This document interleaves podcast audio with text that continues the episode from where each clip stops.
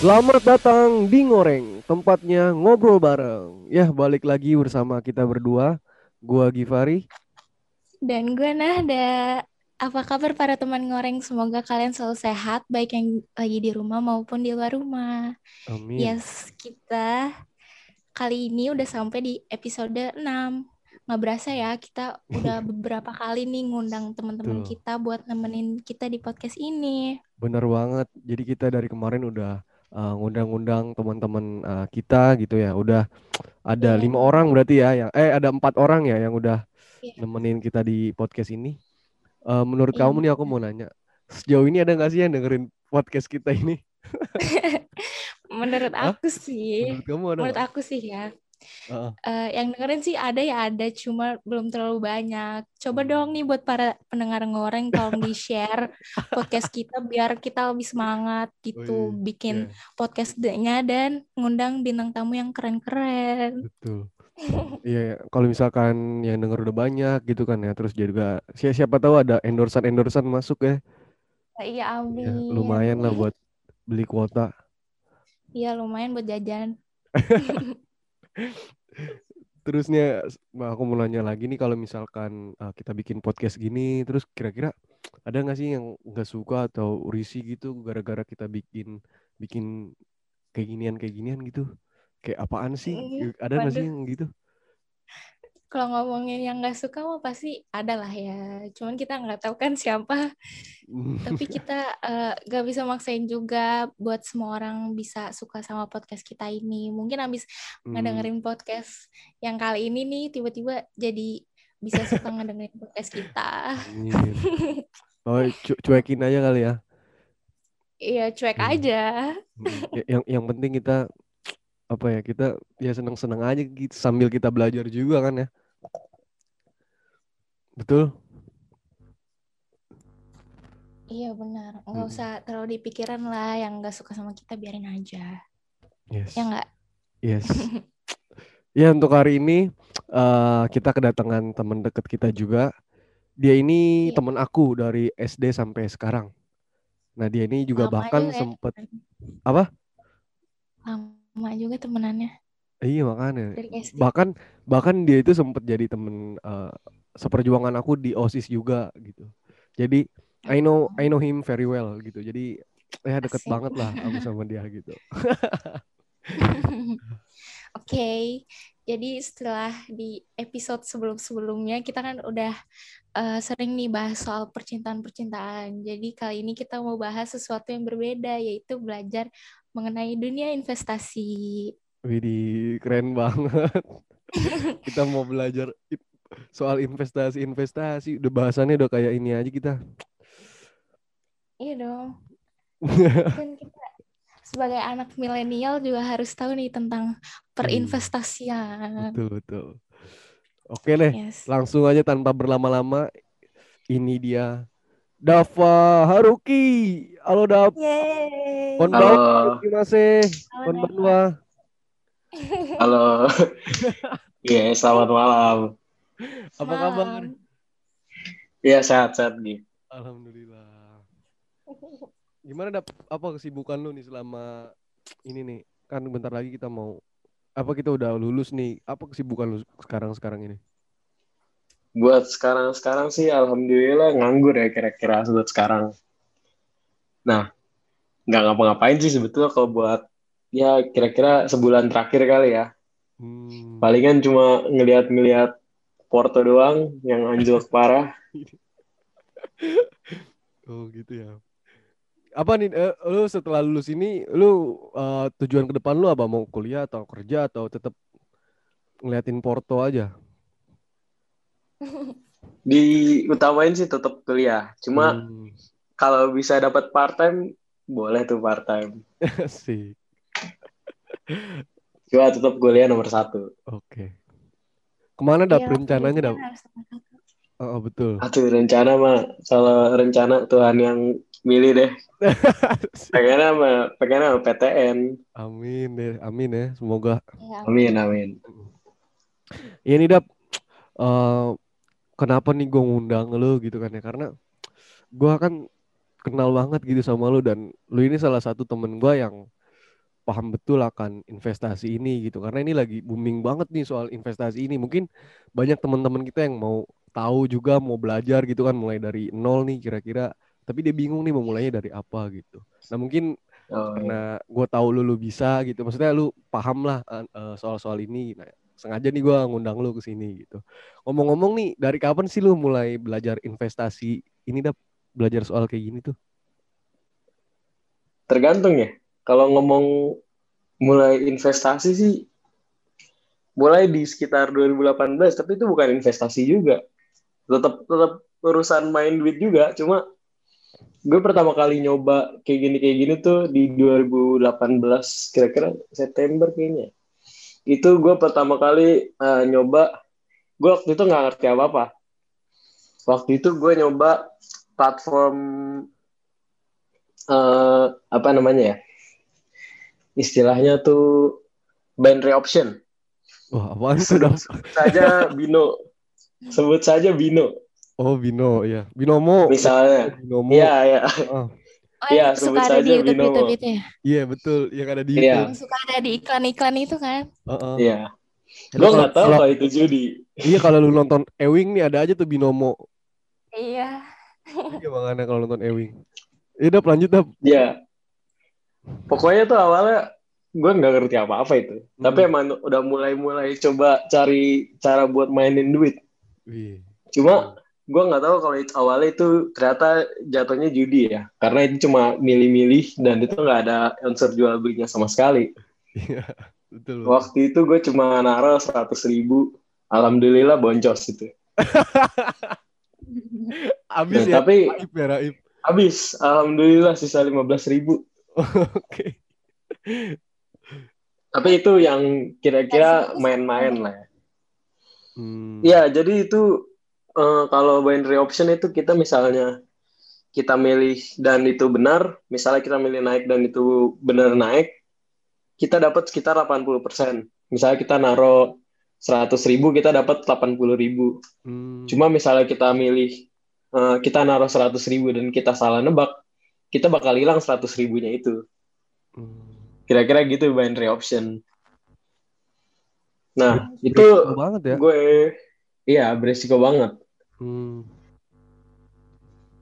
tapi itu gue pikir itu yang main-mainnya lah gue masih nggak ngerti apa-apa tapi kalau istilah investasi yang bener-bener investasi ya gue uh, mulai itu ya sekitar Januari kali ya 2020 itu gue mulai nabungnya di emas Hmm, oke oke. di situ sih kalau gue pertama kali banget yang bener-bener ya Hmm, Mas.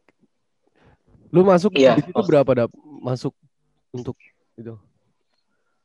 Uh, waktu emas gue masih di 700-an 770 kalau nggak salah gue untung tuh waktu pandemi itu masuk ke sekitar 800-an kan Iya, betul. waktu itu gue belum ini gue masih emas dari Tokopedia Hmm. emas digital Kalau kalau emas itu dia nggak terlalu ini dap ya maksudnya naiknya juga nggak terlalu tinggi, terus juga turunnya nggak terlalu ini gitu dap ya. iya emas itu apa ya kalau buat jangka panjang banget mungkin worth it cuma kalau buat jangka pendek kira-kira nggak ada apa-apanya lah Iya. Nggak berasa soalnya gitu, dia Dap, ya. juga iya dia juga kan ada spreadingnya harga jual dan harga beli itu kan lumayan beda Hmm, betul betul. Jadi lu udah apa awal lu tadi tuh pas di 2018 lu main binomo, terus akhirnya di Iya, 2020 lu coba buat invest di emas gitu dah ya. iya benar Nah untuk sekarang-sekarang ini kira-kira lu lagi aktif di mana nih? Apakah saham, kripto atau reksadana? Atau gimana? kalau buat kalau buat rutinnya di reksadana ya, soalnya secara juga resikonya rendah ya Hmm, Mungkin kripto lagi rehat dulu buat sekarang-sekarang ini karena ini juga market lagi am- ambruk banget. betul betul. Jadi buat sekarang kalau yang tetap rutinnya tetap uh, reksadana. Bisa lu ini nggak dap? Lu maksudnya lu eh deskripsi ini dari macam-macam jenis investasi tersebut. Apa ya? Kalau bisa di deskripsiin ya tergantung juga lo mau pendapatannya gede, resikonya juga gede. mau resikonya kecil, pendapatannya juga kecil. Misalnya kayak reksadana, pasar uang misalnya. Itu mungkin resikonya ya nggak bakal mungkin turun. Tapi emang pendapatannya sangat kecil banget. Kalau bisa dibilang cuma ya dikit banget lah. Hmm, Cuma 5% satu tahun. Hmm, gitu. Kira-kira itu. Nah, makin tinggi eh, resikonya menengah juga pendapatannya juga nggak gede-gede amat, tapi nggak sekecil reksadana pasar uang. Hmm, Misalnya kayak eh, reksadana pendapatan tetap atau reksadana saham. Eh, reksadana saham tuh kayak saham juga tapi dimaininnya sama orang lain. hmm. Nah, itu resikonya lumayan menengah lah bisa dibilang. Nah, yang eh, resikonya tinggi nih biasanya pendapatannya juga tinggi. Cuma resikonya juga tinggi. Oh gitu. Kayak misalnya kripto atau saham. Kayak gitu. Biasanya gue kalau eh, yang resikonya tinggi, gue porsinya juga lebih sedikit. Karena gue juga takut juga. Hmm, Oke. Tuh tapi jadi, tapi nih ya ah. eh, kalau menurut aku nih sebagai orang awam gitu kalau dengar kata investasi tuh yang kepikiran adalah susah terus takut rugi atau nanti nanti aja deh kalau udah umur 20 tahun kalau udah eh, mapan gitu. Hmm, jadi kayak aku kurang ngerti gitu cara berinve- berinvestasi yang baik dan yang benar. Mungkin lu eh, bisa kasih tahu ke pendengar ngoreng cara mulai investasi juga kayak gimana gitu biar nggak rugi mulu ya kan Iya, bener. Apa ya, tapi kalau ngomongin biar nggak rugi mulu itu berjalan juga sih, mas. Berjalan juga sih, mas. Cara gimana ya? Eh, harus ada pengalamannya dulu, jadi harus ngerasain boncosnya dulu lah istilahnya. Eh, kalau emang disaranin sih, kalau emang eh, pertama kali banget di eh, disaranin eh, apa ya? reksadana pasar uang itu resikonya kecil meskipun pendapatannya kecil ya paling enggak bisa inilah dicoba buat yang awal-awal baru nanti perlahan coba lagi ke reksadana eh, pendapatan tetap atau ke reksadana saham paling aman sih kalau buat pemula tetap reksadana. Itu yang paling aman. Atau hmm. emas. Kayak gitu sih kalau kata gue nah kalau buat mulainya juga itu gampang banget kali ya. Itu asal punya KTP bahkan Mas nggak punya KTP juga nggak apa-apa. Di Tokopedia Mas nggak perlu KTP ininya. atau misalnya nggak misal belum punya KTP juga emas fisik juga ini lumayan bisa dipakai buat investasi kok kayak gitu sih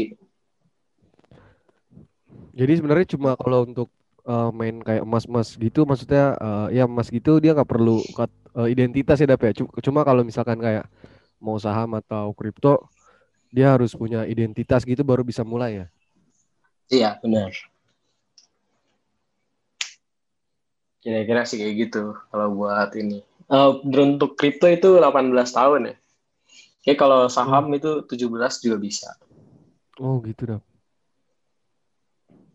Hmm, 17 tahun bisa Iya bisa. Kalau buat Saham. saham, saham reksadana tuh 17 tahun bisa. Yang penting ada KTP.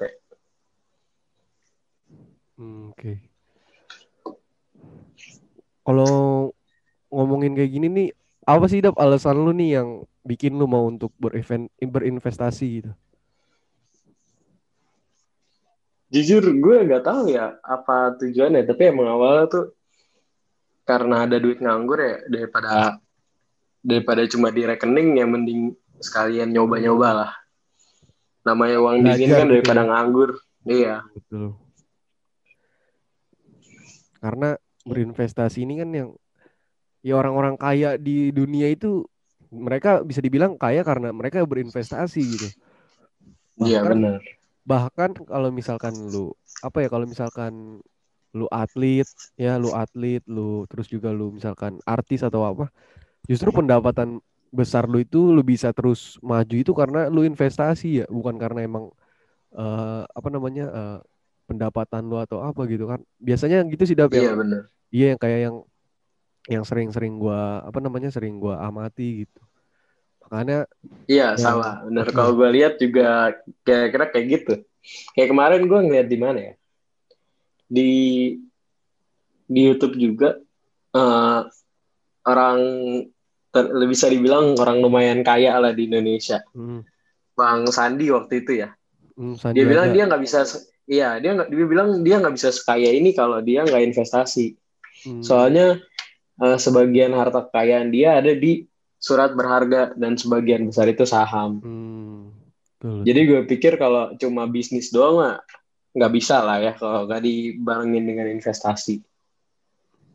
Kira-kira kayak gitu sih kalau menurut gue. hmm. Tapi tapi menurut lo anak muda sekarang nih penting gak sih eh, buat memulai investasi gitu? Soalnya kan gua nih gua ya. Ini sih kalau gua ya. Kalau gua sih kalau mulai nabung aja kayak males gitu gimana mau investasi. Menurut lo gimana?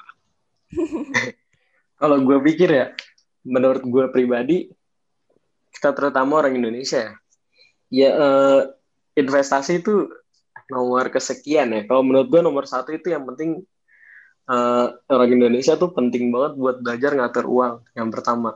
Hmm, Sekarang kenapa rata-rata orang Indonesia kalau punya uang misalnya 100 ribu, dia langsung buka Shopee nyari yang harga 100 ribu. Langsung Ya kan? seratus dipakein belanja. Iya. Gimana? ra- sekarang gini, rata-rata orang Indonesia tuh nggak ada yang punya dana darurat. Hmm, Orang tuh, ha- ya sebelum mulai investasi harus siap juga lah. Dana darurat, em, pokoknya harus matang dulu lah istilahnya. Apalagi banyak juga sekarang kan yang nyoba investasi tapi nggak pakai uang dingin. iya Kayak betul. banyak orang-orang itu yang waktu itu di berita nyoba investasi tapi pakai kredit. kan boncos bingung Iya, kan tuh. Iya pakai uang dapur, maksudnya uang seharian. Iya kesian juga Gak kalau makan itu, gak Iya. makan sebulan itu. Kas- kasihan juga gitu kalau misalkan ya lagi sial ya maksudnya emang hancur apa dia nggak ngerti apa-apa kan ya. Ya jadi berbalik ini terbalik gitu niatnya mau untung malah buntung kan gitu. iya, malah boncos. Iya, ngomongin jadi kalau menurut gua itulah apa siapin dulu mentalnya dulu. Eh, berarti harus siapin mental dulu baru eh, bisa memulai iya investasi. betul, betul Iya bener, kalau kata gue sih gitu. belajar terbaik itu lu, lu nyobain dulu bukan lu apa ya maksudnya cara lu buat belajar lebih dalam itu lu cobain dulu gitu dap ya Iya, lu Yang penting nih lu apa ya? belajar yang penting prakteknya Rif. Mm-mm, ya. Gue kayak ngeliat-liat di TikTok, di Instagram, belajar dari Telegram. Mm-mm. Kalau nggak praktek percuma kalau kata susah ya dap ya Iya, Jadi harus benar-benar eh, praktek terus juga eh, teori berita-berita juga di iniin gitu dapet baru. Barulah baru kita berpikir bagaimana cara mendapatkan keuntungan gitu. Kalau lu tiba-tiba datang atau tiba-tiba lu asal-asal aja mainnya ya gimana dap ya? Namanya iya benar. namanya duit kan ya? Bener. ingin tiba-tiba begitu ya dap ya Iya, istilahnya kan lu nggak baru kenal sama orang langsung ngasih duit kan enggak. Harus kenal dulu lah paling enggak. betul betul Berarti Harus. harus ada strateginya juga gitu ya, jangan main mulai-mulai aja. Yes. Iya bener. Iya. coba, coba kamu ada pertanyaan gak nih buat Haruki apa ada ada pertanyaan yang eh, masih eh, gimana ya, masih ngambang-ngambang gitu. Hmm. Sebenarnya tuh investasi-investasi kayak gini tuh halal atau haram sih? Soalnya katanya katanya kalau kalau rugi itu haram. Jadi yang benar yang mana nih. Sebenarnya haram, haram. Kan kalau haram bahaya juga ya. Masa kita makan duit haram kan gawat.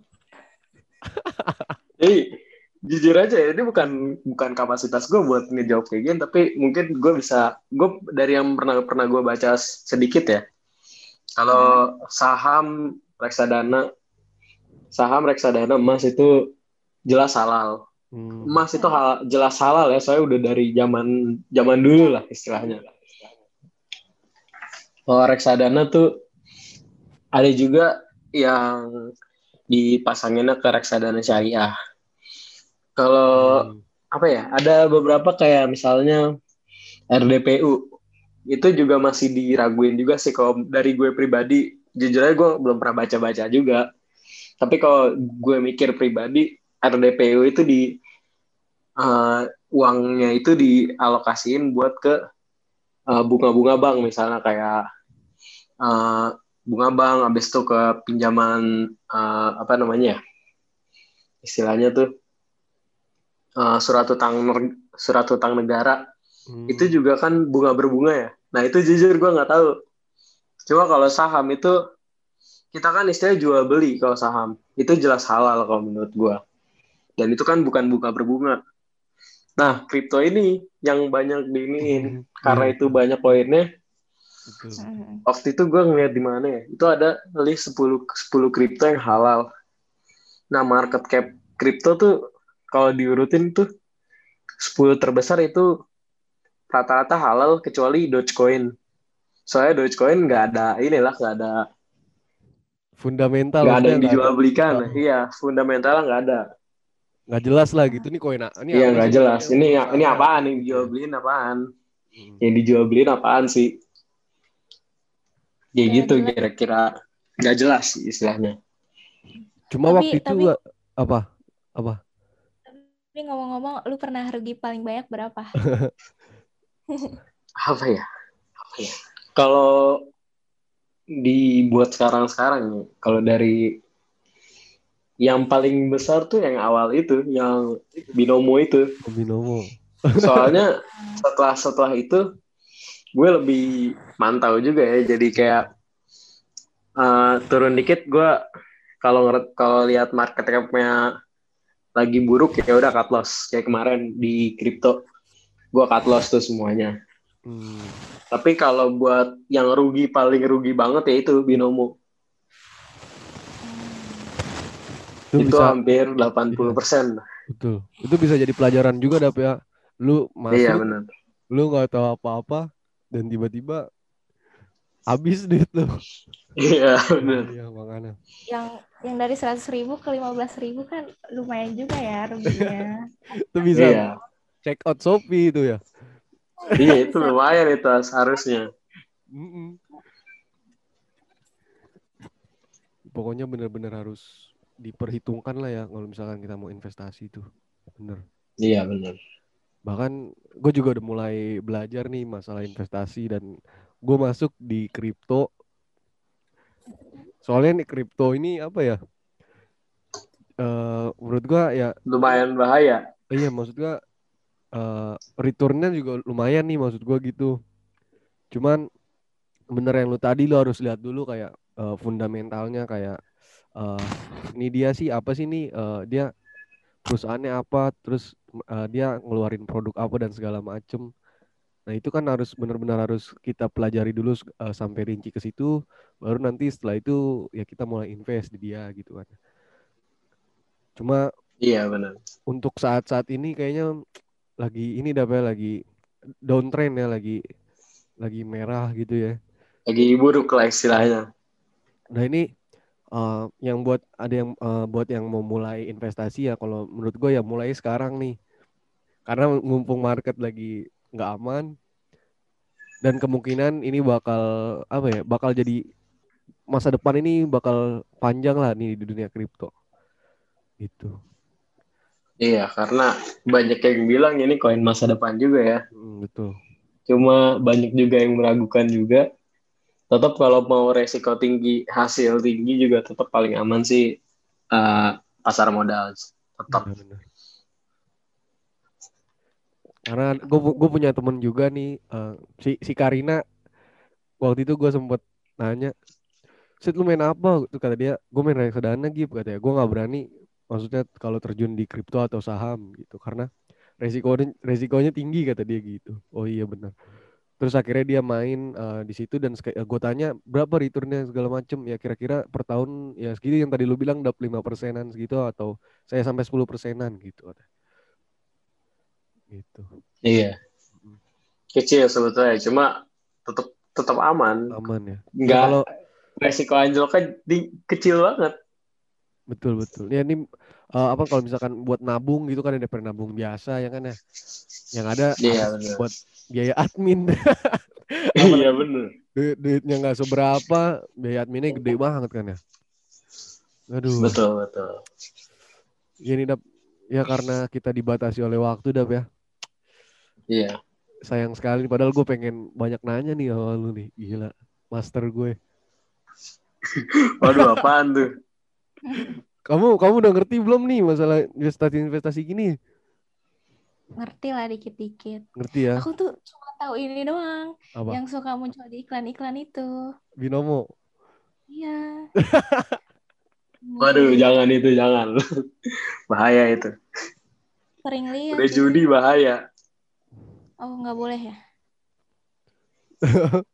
Kamu ada tertarik nggak buat main di sini gitu, buat nyoba, buat ya investasi gitu ada nggak niat?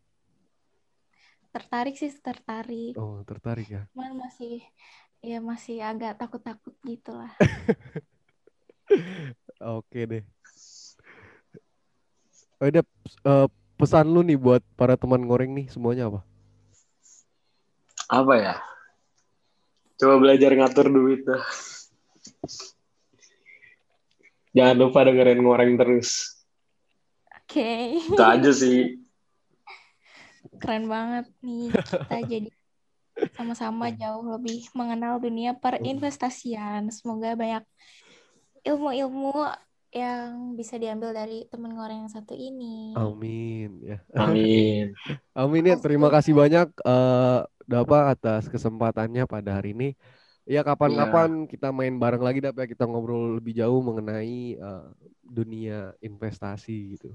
Iya benar. Karena ini apa ya karena ini buat bekal kita juga nih apalagi pendengar-pendengar kita yang mudah-mudahan ada yang dengerin sih. Ya pendengar-pendengar kita uh, punya rasa apa namanya rasa tahu gitu mengenai dunia ini. Oh ya ini dap.